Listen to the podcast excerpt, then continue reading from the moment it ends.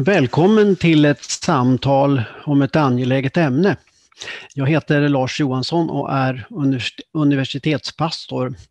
Och detta är den första, det första i en serie samtal om viktiga frågor som vi på Universitetskyrkan i Örebro vill uppmärksamma under vårterminen 2021.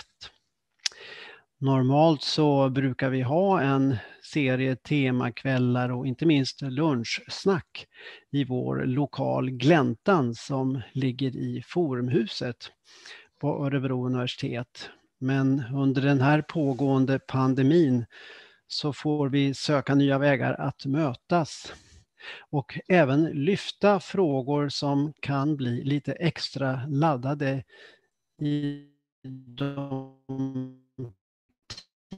tider som vi nu lever. Jag heter alltså Per Pettersson eh, och är universitetspräst vid Örebro universitet. Jobbar då tillsammans med Lasse eh, och vår diakon Anna. Eh, och den här, det här avsnittet kommer att handla om pornografi. Och det är någonting som jag har märkt återkommande i samtal, vi har mycket samtal som universitetskyrka, eh, att eh, ja, det är ganska problematiskt för många med porren. Eh, och det där hade jag lite dålig koll på, för porren idag ser annorlunda ut än vad den gjorde när jag var i 20-årsåldern. För 20 år sedan. Hannes, du kanske vill presentera dig själv lite? Ja, men absolut.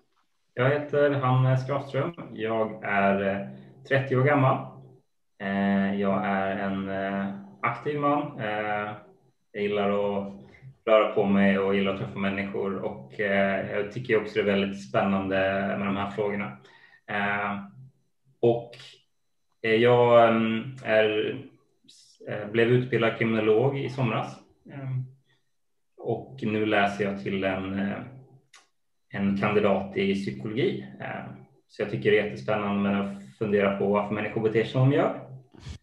Eh, på olika sätt. Ja, är spännande. Hur tidigt i ditt liv så upptäckte du porren och eh, hur kändes det?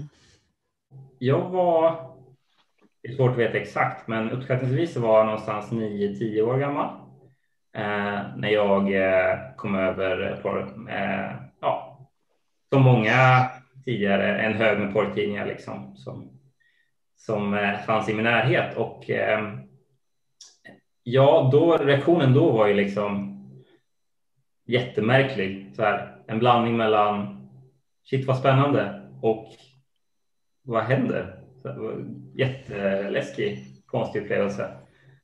Um, så det var väl den reaktionen var väldigt tvådelad liksom. Um, så uh, det var tidigt uh, och inte speciellt som sagt.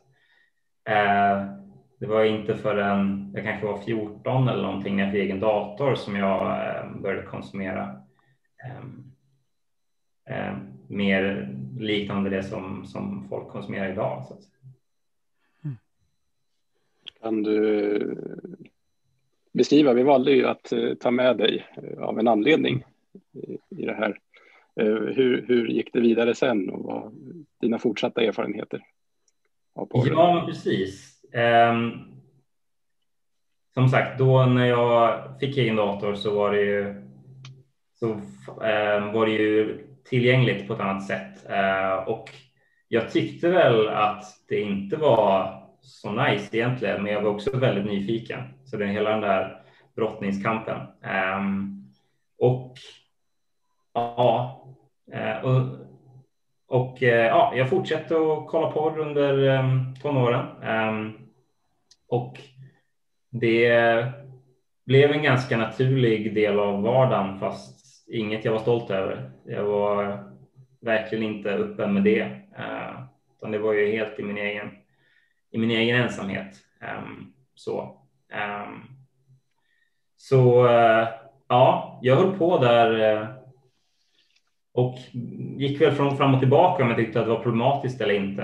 Uh, för det som jag det som jag ofta kände efter eh, att jag hade kollat liksom så här, man var ju ofta ja, eh, ja, men nyfiken och eh, vad finns nu liksom och så vidare. Men efteråt så kändes det ju aldrig riktigt bra. Det kändes som att skammen la sig som en blöt filt över hela kroppen och eh, man kände sig väldigt eh, patetisk eh, ofta kände jag. Eh, men eh, jag fortsatte och jag har inget bra svar på egentligen varför, eh, mer än att det var det, var det jag gjorde. Ehm, jag eh, försökte att sluta, men eh, det var inga större försök, för jag tyckte också om det på någon nivå. Så här, det gav ju ändå en tillfredsställelse. Eh.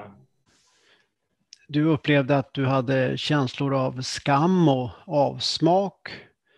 Eh, kunde du över tid också märka att det påverkade dig på flera sätt och i förlängningen, vad tror du riskerna kan vara att låta porren bli en del av vardagen?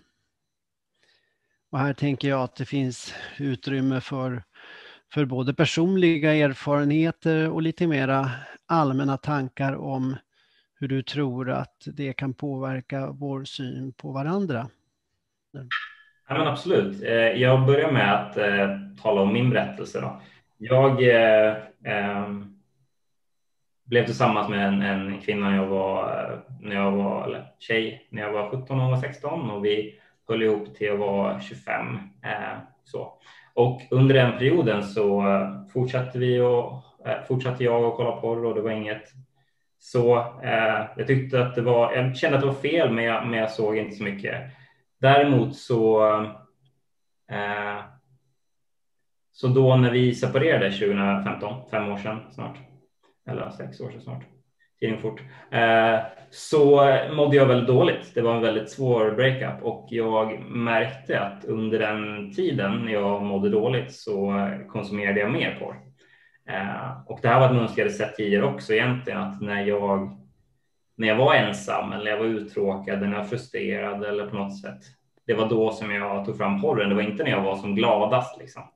När jag var som mest eh, livsglad eh, utan Eh, jag såg det mönstret och eh, då någonstans eh, när jag insåg det att ja, men jag konsumerar ju mer när jag mår sämre. Då insåg jag att det här kan ju inte vara bra. Liksom. Eh, och jag har ju känt hela tiden moral, eller så moraliskt och känt att det här är inte bra, men jag har inte eh, sett det på mitt liv speciellt.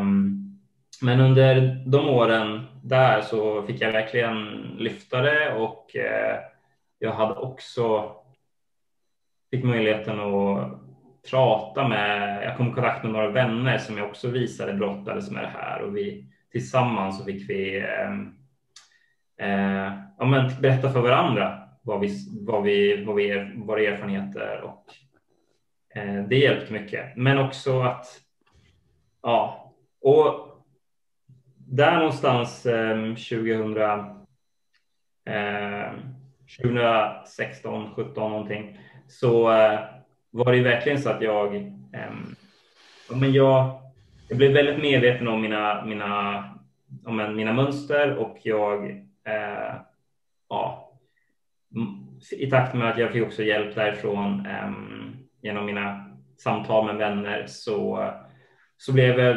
blev det mycket mindre av det och jag, och jag kände att jag fick mer kontroll över det. Eh, och Eh, jag hade också möjligheten då att eh, våren 17 där eh, byta miljö lite grann. Jag började en folkhögskola, eh, Götabro bibelskola. Eh, så det, det var också väldigt viktigt för mig att jag fick den där miljöbytet tror jag. Eh, så gjorde att jag kunde helt, kunde helt eh, sluta med att konsumera porr. Då. Och efteråt har jag märkt att eh, framförallt efteråt så har jag märkt att jag sexualiserade så många vardagssituationer eh, som inte alls är sexualiserade egentligen.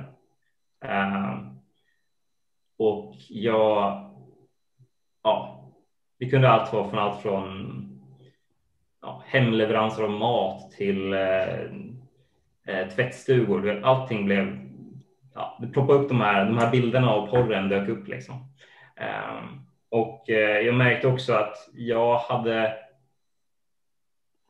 ett, jag märkte det först när jag slutade då, att jag hade i stort sett betygsatt eh, kvinnor väldigt, väldigt mycket utifrån utseende och det är något som jag fortfarande brottas med att göra. Men, men jag inte alls på samma nivå som då, utan då var det liksom det jag skannade av först så att säga. Och, och Ehm, så det, ja, och jag märkte också i min, i min relation då ehm, att när jag reflekterade över att men det var som att i den stunden, i just liksom eh, det intima mötena med mitt ex, då, så, så var det väldigt. Ehm, ja, jag tappade liksom bilden av henne som en person.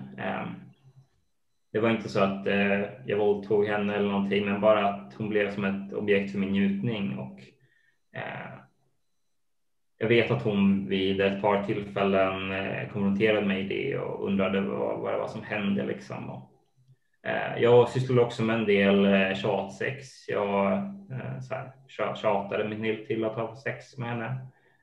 Jag föreslog att vi skulle ha en avsex, vilket jag förstår inte idag hur jag kom sig att jag ville det. Vilket, ja, där har du lite effekter av hur, hur ehm, jag tror att det påverkade mig väldigt mycket. Ja det är ju intressant och jag tänker att eh, det här kan ju vara någonting som många brottas med. Eh, och den brottningskampen kan ju vara mer eller mindre eh, jobbig. Men just när man är i en relation, kunde ni prata om porren? Eller hur gjorde ni? Ja, precis. Um, jo, men det, det kunde vi nog, uh, men det var ju inte speciellt mycket. Det var som att prata om att det skedde, eh, men inte så mycket. Ja, men det är ju inget som som jag. Eh, ja, jag kan inte se att det blev att det var någon något speciellt bra med det. Ehm, och jag, forskningen på det området är också att om det är en som kollar och den andra inte gör så är det inte speciellt bra för eh, sammanhållning i relationen och, och Ehm, leder till ökad risk för skilsmässa och ökad risk för otrohet och, eh, och, allt, och allt möjligt. Så, ehm, men eh, forskning på det säger, säger dock att om man kollar tillsammans så verkar det vara så att det, det verkar okej. Okay. Men, men ja.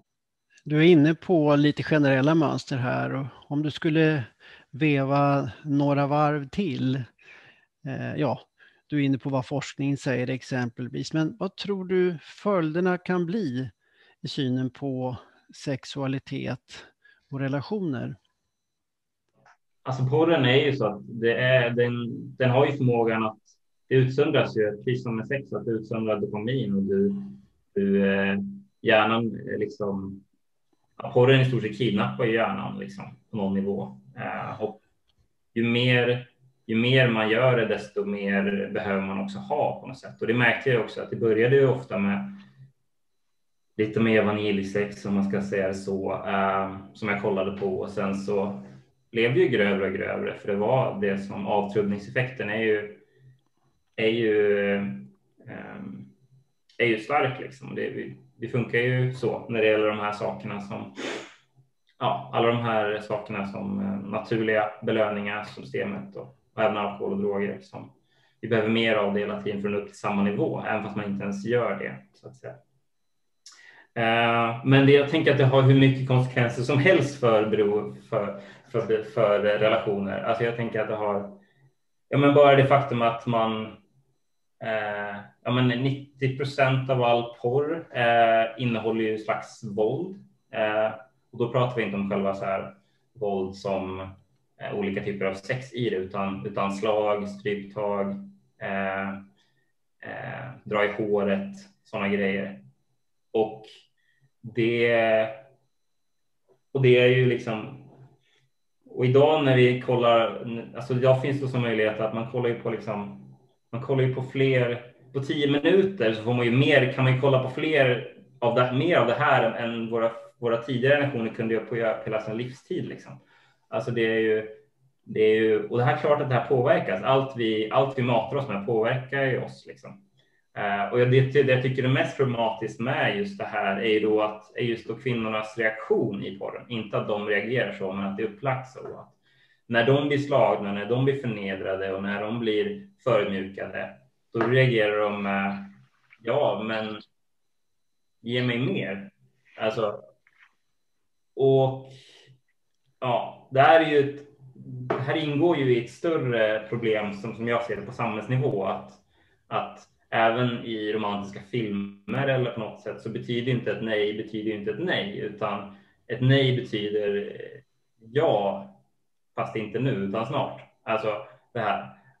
Um, och att det blir som att ja, men, nu har vi infört en samtyckslag här 2018 och den tror jag hjälper att förstå så här att ett nej faktiskt är ett nej.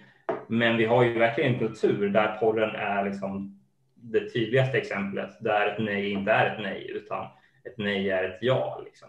Och då vi ska lära oss själva och unga generationen att ett nej är ett nej och att ja, och det är ju bara märkligt att samma handlingar som vi ser som brottsliga i övrigt eh, är ju bara för att det är ett, eh, ett köpt samtycke och filmas så skulle det vara okej okay på något sätt.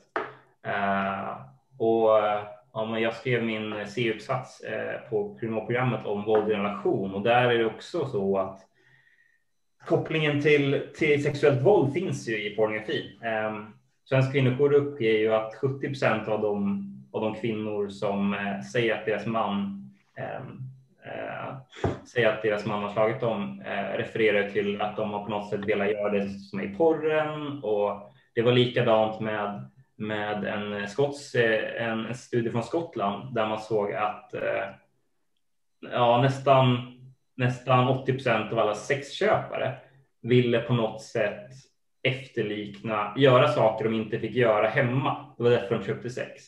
Eh, så det är ett väldigt, det, är mycket, det påverkar många nivåer. Eh, jätte, jätte mycket problem eh, som jag uppser, som jag ser.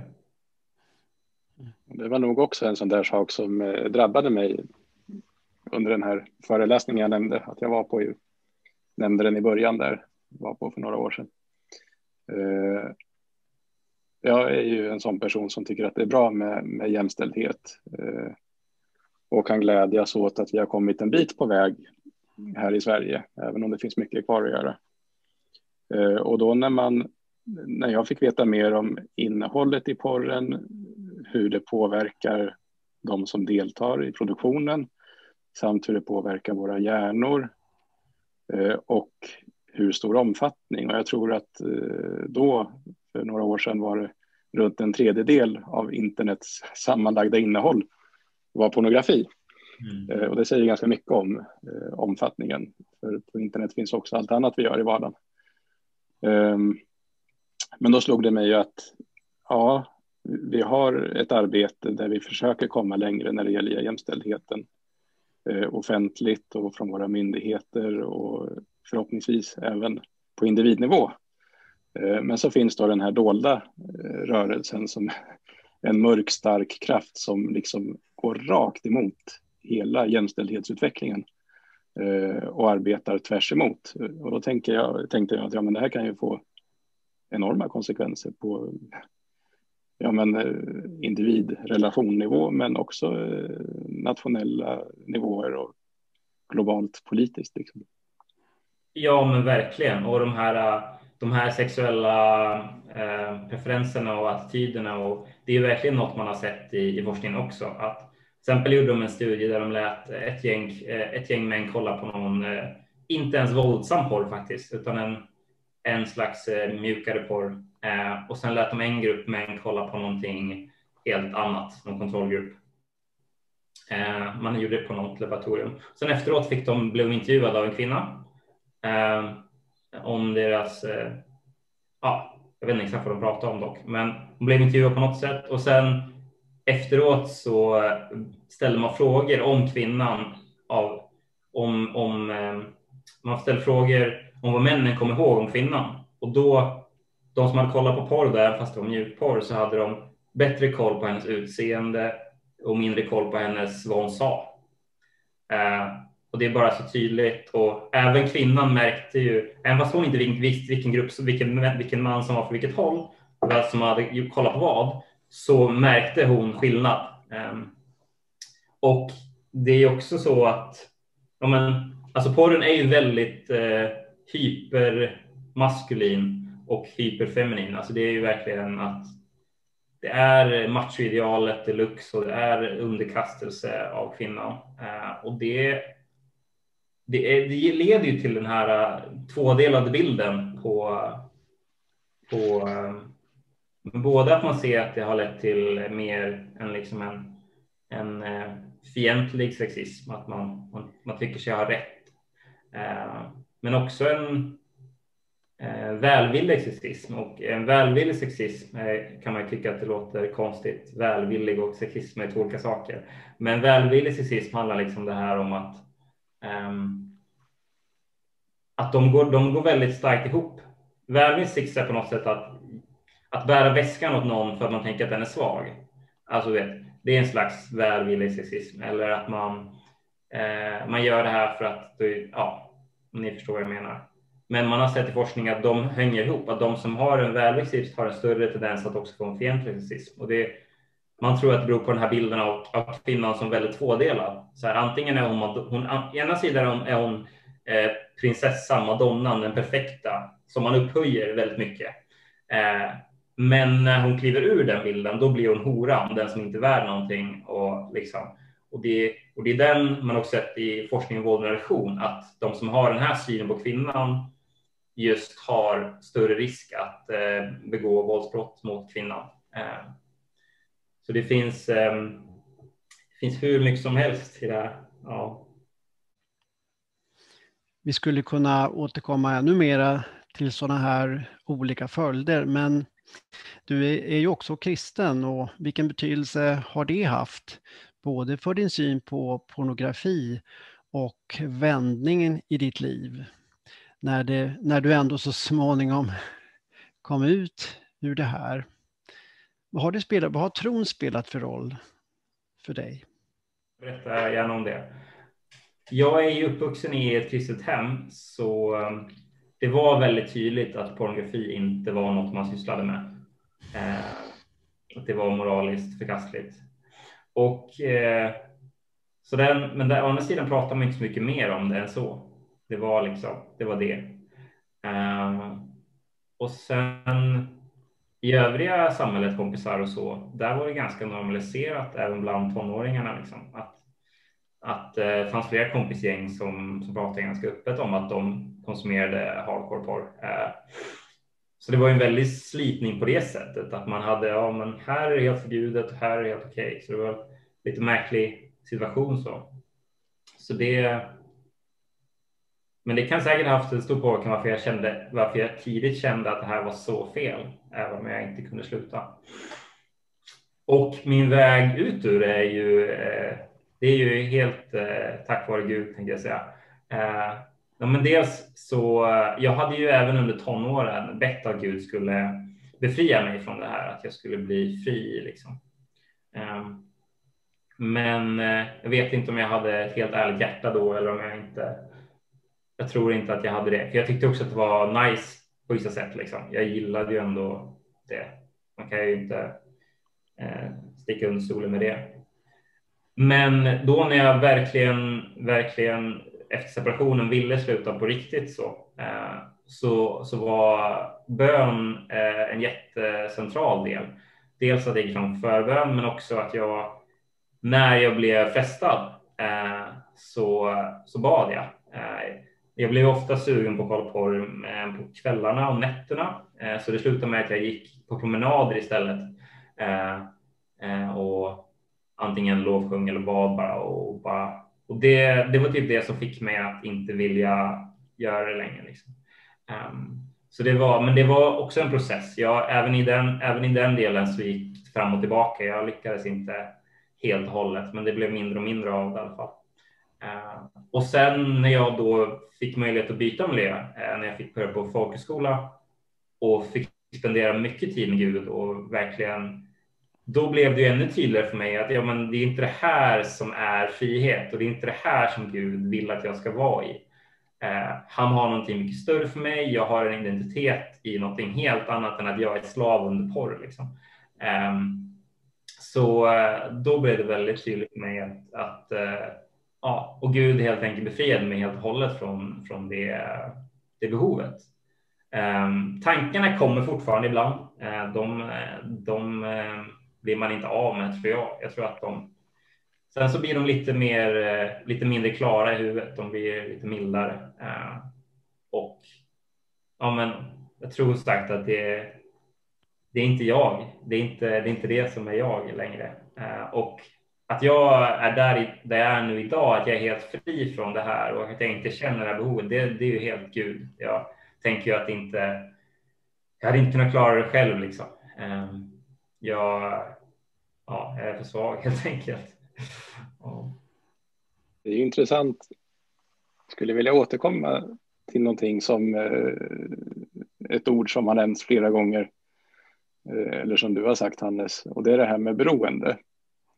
Eh, för det finns ju mycket diskussioner om huruvida porrkonsumtion kan bli ett beroende, ett missbruk. Eh, eh, som du berättade så finns det liksom en väldigt tydlig, jag menar att du har känt dig fången i det och att det har påverkat ditt liv. Och sen att du har lyckats bli fri från det i en upplevelse som påminner en hel del om det som jag hör från många alkoholister och narkomaner som eh, gör sina tolv steg. Eh, så det verkar finnas gemensamma nämnare. Men hur är det egentligen? Eh, är det ett beroende missbruk? Har du upplevt det så, Hannes? Ja, det är ju, vi får vara tydliga med att enligt, enligt officiell vetenskap eller så, så är det inte ett missbruk så. Det är inget erkänt missbruk, det är inget erkänt beroende. Eh, men 2013 så var det ju första icke-substansberoendet blev erkänt, HSP-missbruk. Eh, så att troligtvis är det på väg vad jag har förstått på eh, det i alla fall utreds i alla fall om det ska bli ett erkänt beroende eller inte. Men det finns ju många fler berättelser med mig som upplever att de får problem på olika sätt. Och det är ju jag tänker att det beror på vilken nivå du lägger det på. Jag tänker att jag hade ju visserligen problem med det, men det var inte heller så att jag, om man kollar på vissa dokumentärer eller så, så kan det handla om någon som kollar, eh, eh, ja men att de kollar fem timmar i sträck eh, flera dagar i veckan eller att de inte, så här, och där var inte jag liksom. Jag tror att jag var ganska, jag, jag uppfattade det som att jag jag tror att jag är ganska normal i, i Sverige utifrån mitt, hur mitt porrberoende såg ut. Men, men det är väl också det som är grejen, att man inser inte att är utifrån samtalen jag haft med människor efter det här så verkar det som att, och även då i det, att det är något som är så normaliserat så inte ens ett beroende är konstigt. Liksom. Men det jag märkte på att det är så här, men jag vet inte, det är klart att dels handlar det om att jag kunde inte sluta och på något sätt måste jag ju varit beroende då. Alltså att jag, så här, jag behövde hjälp med att sluta. Och, men det, det var till och med så att, att, eh, ja, men att jag kunde inte ens, när jag väl ville sluta så insåg jag att jag kunde inte ens jag kunde inte ens runka utan porr utan jag behövde porren för att överhuvudtaget kunna så här, eh, få njuta sexuellt eh, om jag inte var med, med en person. Då. Eh, och det var ju så här varningssignal för mig och att när jag har utmanat människor så här efteråt att men hur, för de många hävdar ju att de inte har ett beroende. Eh, då brukar jag säga men testa sluta i 14 veckor eller 14 dagar eller en månad eh, och se vad du får symptom. För många av de här beroendesymptomen man har sett i, i när det gäller forskningen på missbruk de liknar ju de som man, de som man social ångest och ADHD och prestationsångest och, ja, men, och att mycket andra saker att man kan, mycket andra saker blir mindre intressanta i förhållande till, till, eh, till porren på något sätt.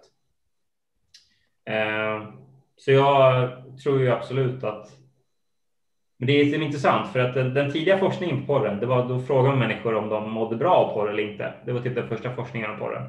Och så här, vad positiva och negativa effekter. Och då, då berättade många om positiva effekter.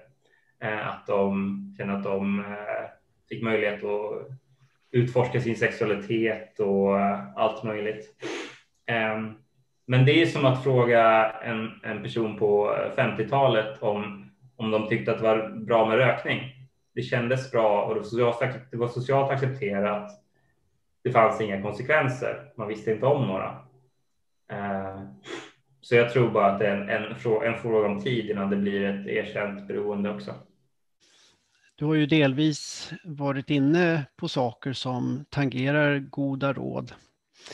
Eh, men om man brottas med sådana här frågor, har du några goda råd att ge? Det finns olika saker jag tänker på, men det som jag tror är steg ett är att se att problem såklart. Att se att, att eh, det här är något som... Men om du har insett att jag vill sluta, eh, då tror jag att det jag gjorde var att jag kartlade mitt beteendemönster. Okej, okay, i vilka situationer så blir jag, vill jag kolla på? Okej, okay. hur kände jag då? Vad hände innan?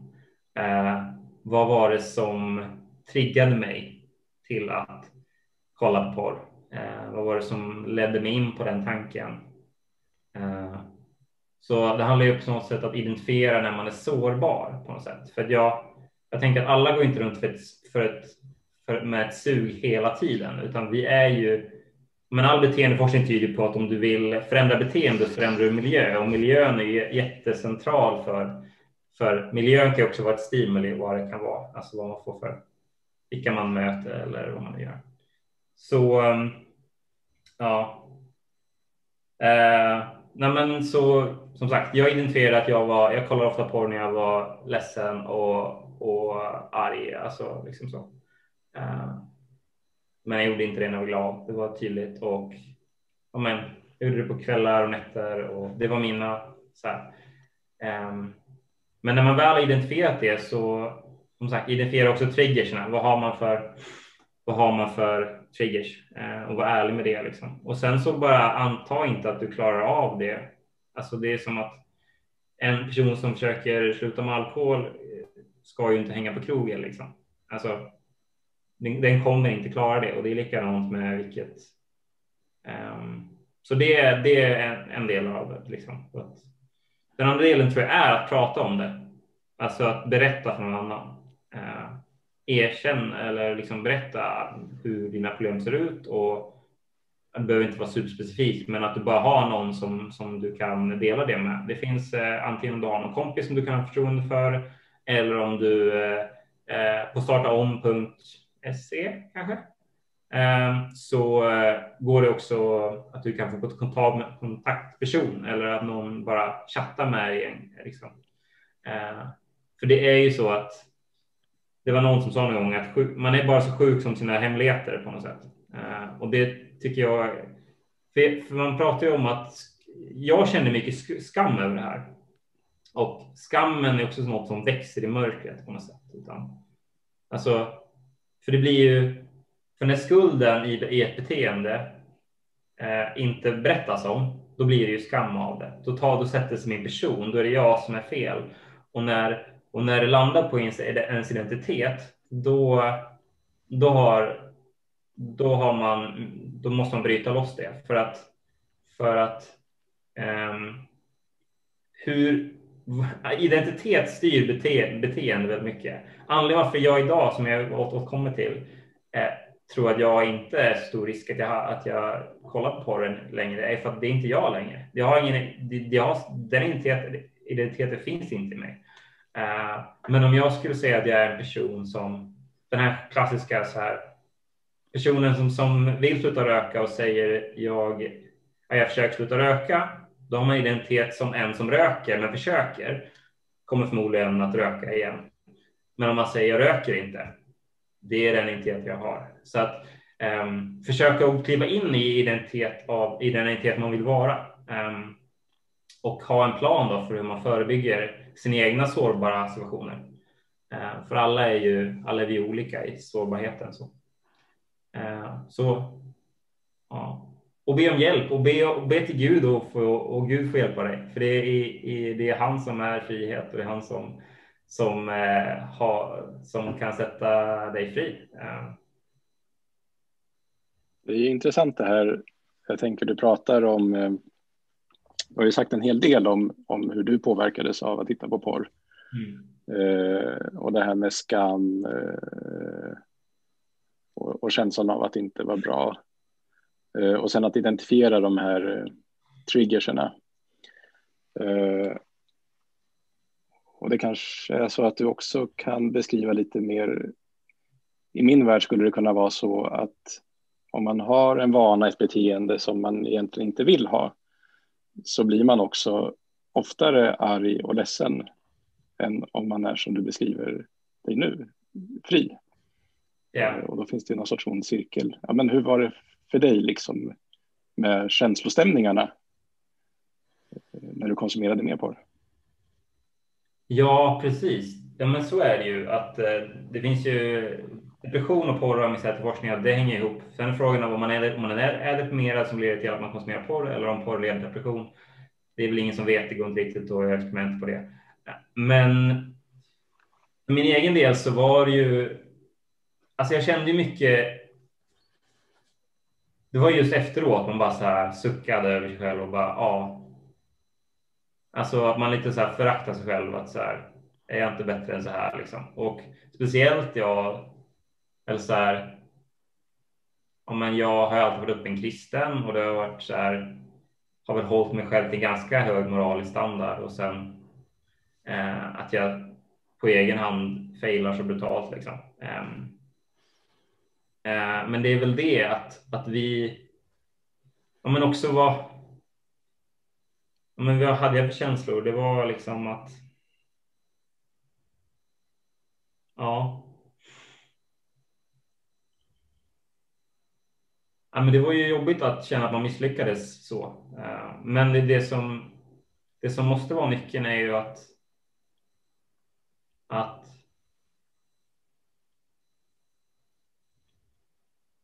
ja, men att inte fästa det misslyckande vid ens identitet. För att i grund och botten så misslyckas vi alla hela tiden med att vara de människorna vi vill vara.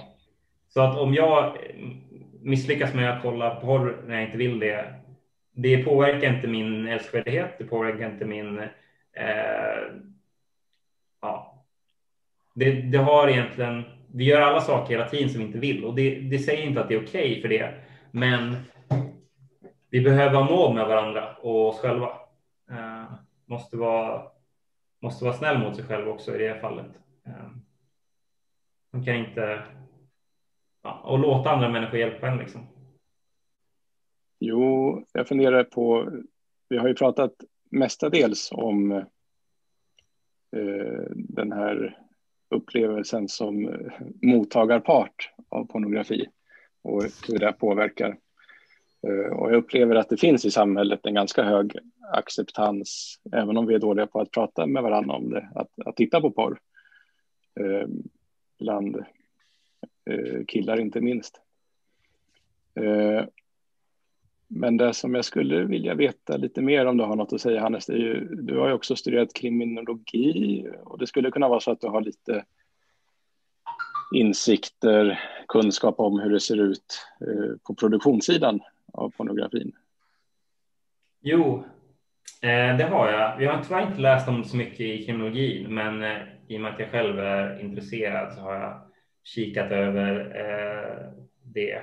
Nej, men det är ju en som du sa, det är en extremt stor industri och den är ju. Ehm, ja, men när det gäller den, den vanliga nätporren så att säga. Den består ju idag också inte av speciella. Alltså de, det handlar ju om stora streamingsidor de flesta eh, som fungerar på samma sätt som Youtube, liksom att du, du, du kollar på ett klipp och sen får du fem rekommendationer. Eh, och och eh, och det handlar där kan jag också bra personer ladda upp material och, ja, men, och kopplingarna till, eh, till människohandel och prostitution är ju väldigt tydlig. Um, ska jag se, det var av de som eh, av de som eh, levde i eh, prostitution så hade eh, i en studie på 800 personer så hade hälften av dem också medverkat i, i, i eh, pornografi, porren. Eh, så kopplingen där är väldigt, väldigt tydlig. Och 2017 gjorde Talita, en svensk organisation, en studie på den svenska porrindustrin och såg då att samma som man sett i den amerikanska, att rekryteringen är främst av unga, unga tjejer, eh, ekonomiskt utsatta.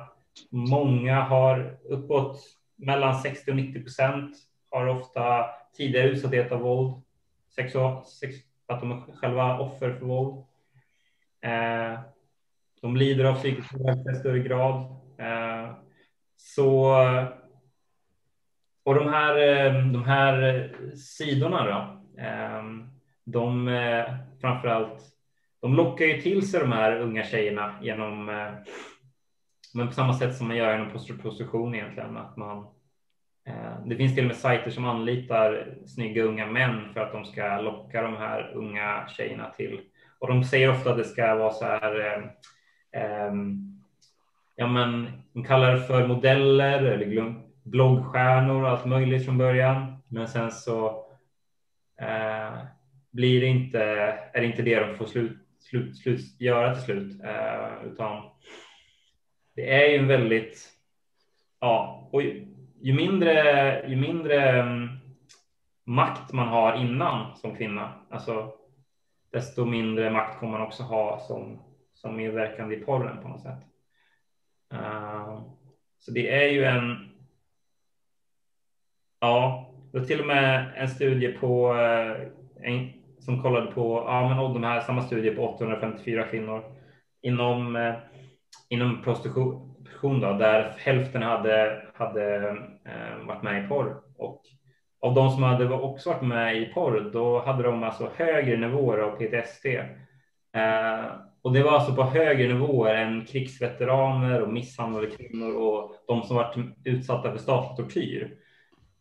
Så eh, det är ju en väldigt, eh, väldigt, väldigt eh, smutsig bransch eh, som om man inte hittar något annat argument för varför man tycker att porr är ett problem.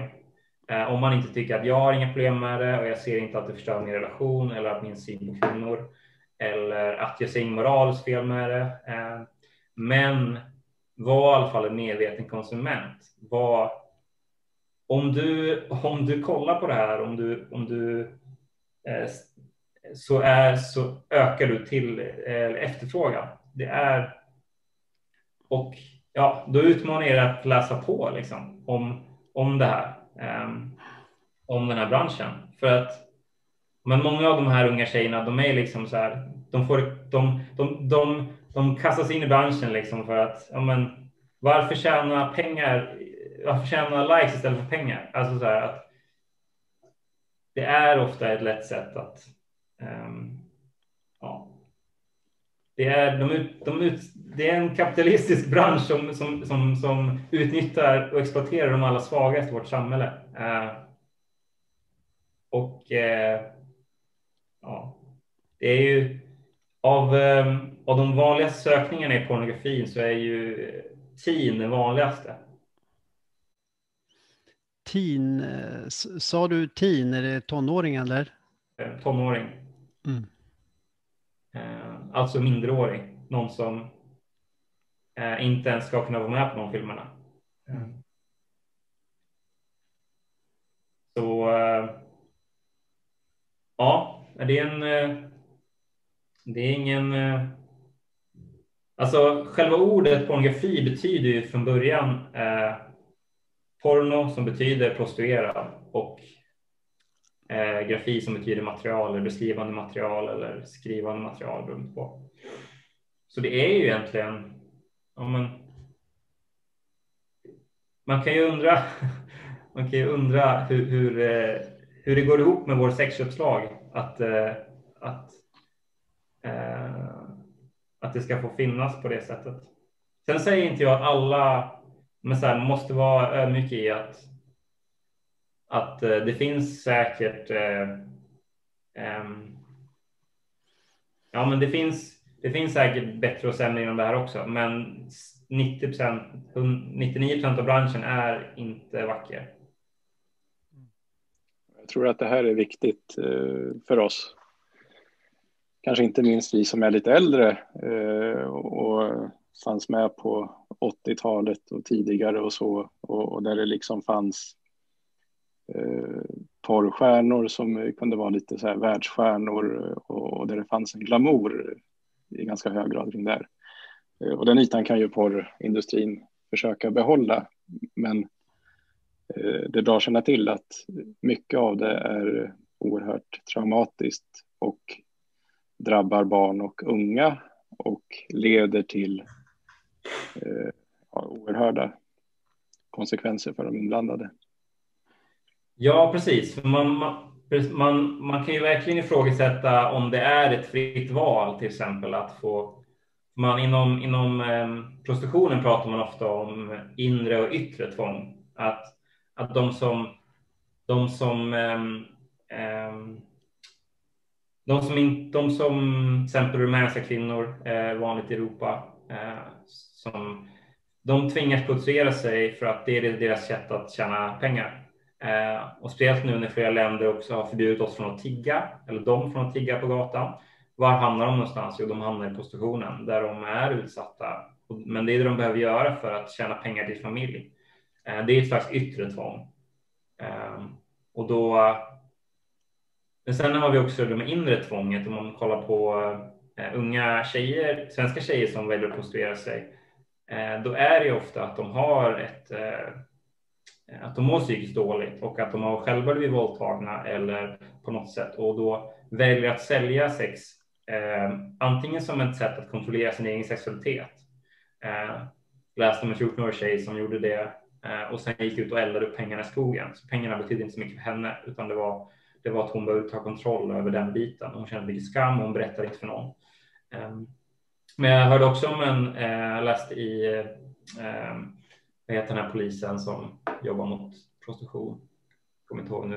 Eh, men jag läste i hans bok om att, att eh, det var en 17-årig tjej som, eh, som valde, som hade sådana kroppskomplex att hon eh, ville liksom göra en näsoperation. Eh, så hon valde att lägga ut sin ehm, sin sin, sin oskuld eh, till, till budgivning på nätet. Eh, och inom 48 timmar så var han uppe i 70 000. Eh, och ja, så, så att ja, för mig handlar det om att problematisera det här. Vad är frihet egentligen?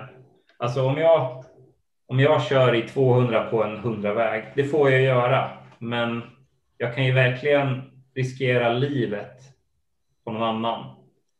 Så jag inte... Eh, så jag tycker att det, jag tycker att det är... Ehm, det finns väldigt mycket problem med att, med att vi hela tiden ser till, till vår egen frihet snarare än vår frihet att konsumera porr snarare än att deras frihet från att inte behöva göra det liksom, av yttre eller inre skäl. Då vill jag tacka dig Hannes å det varmaste för att du har varit öppenhjärtig och berättat om din resa inom ett ämnesområde som de flesta håller hemligt och inte vill prata om så särskilt mycket. Eh, och jag tror att dina erfarenheter och det faktum att du faktiskt berättar om det här också på detta vis kan vara till stor hjälp för många så stort tack för att du har berättat om din resa för oss och allt gott i fortsättningen. Det var kul att få vara med. Eh, ja, eh, det är viktigt för mig att vi börjar prata om porr. Så mm. ja, jag vill bara avsluta med att skicka med att det, om du kämpar med det här så förändring är möjlig. Det finns hjälp att få.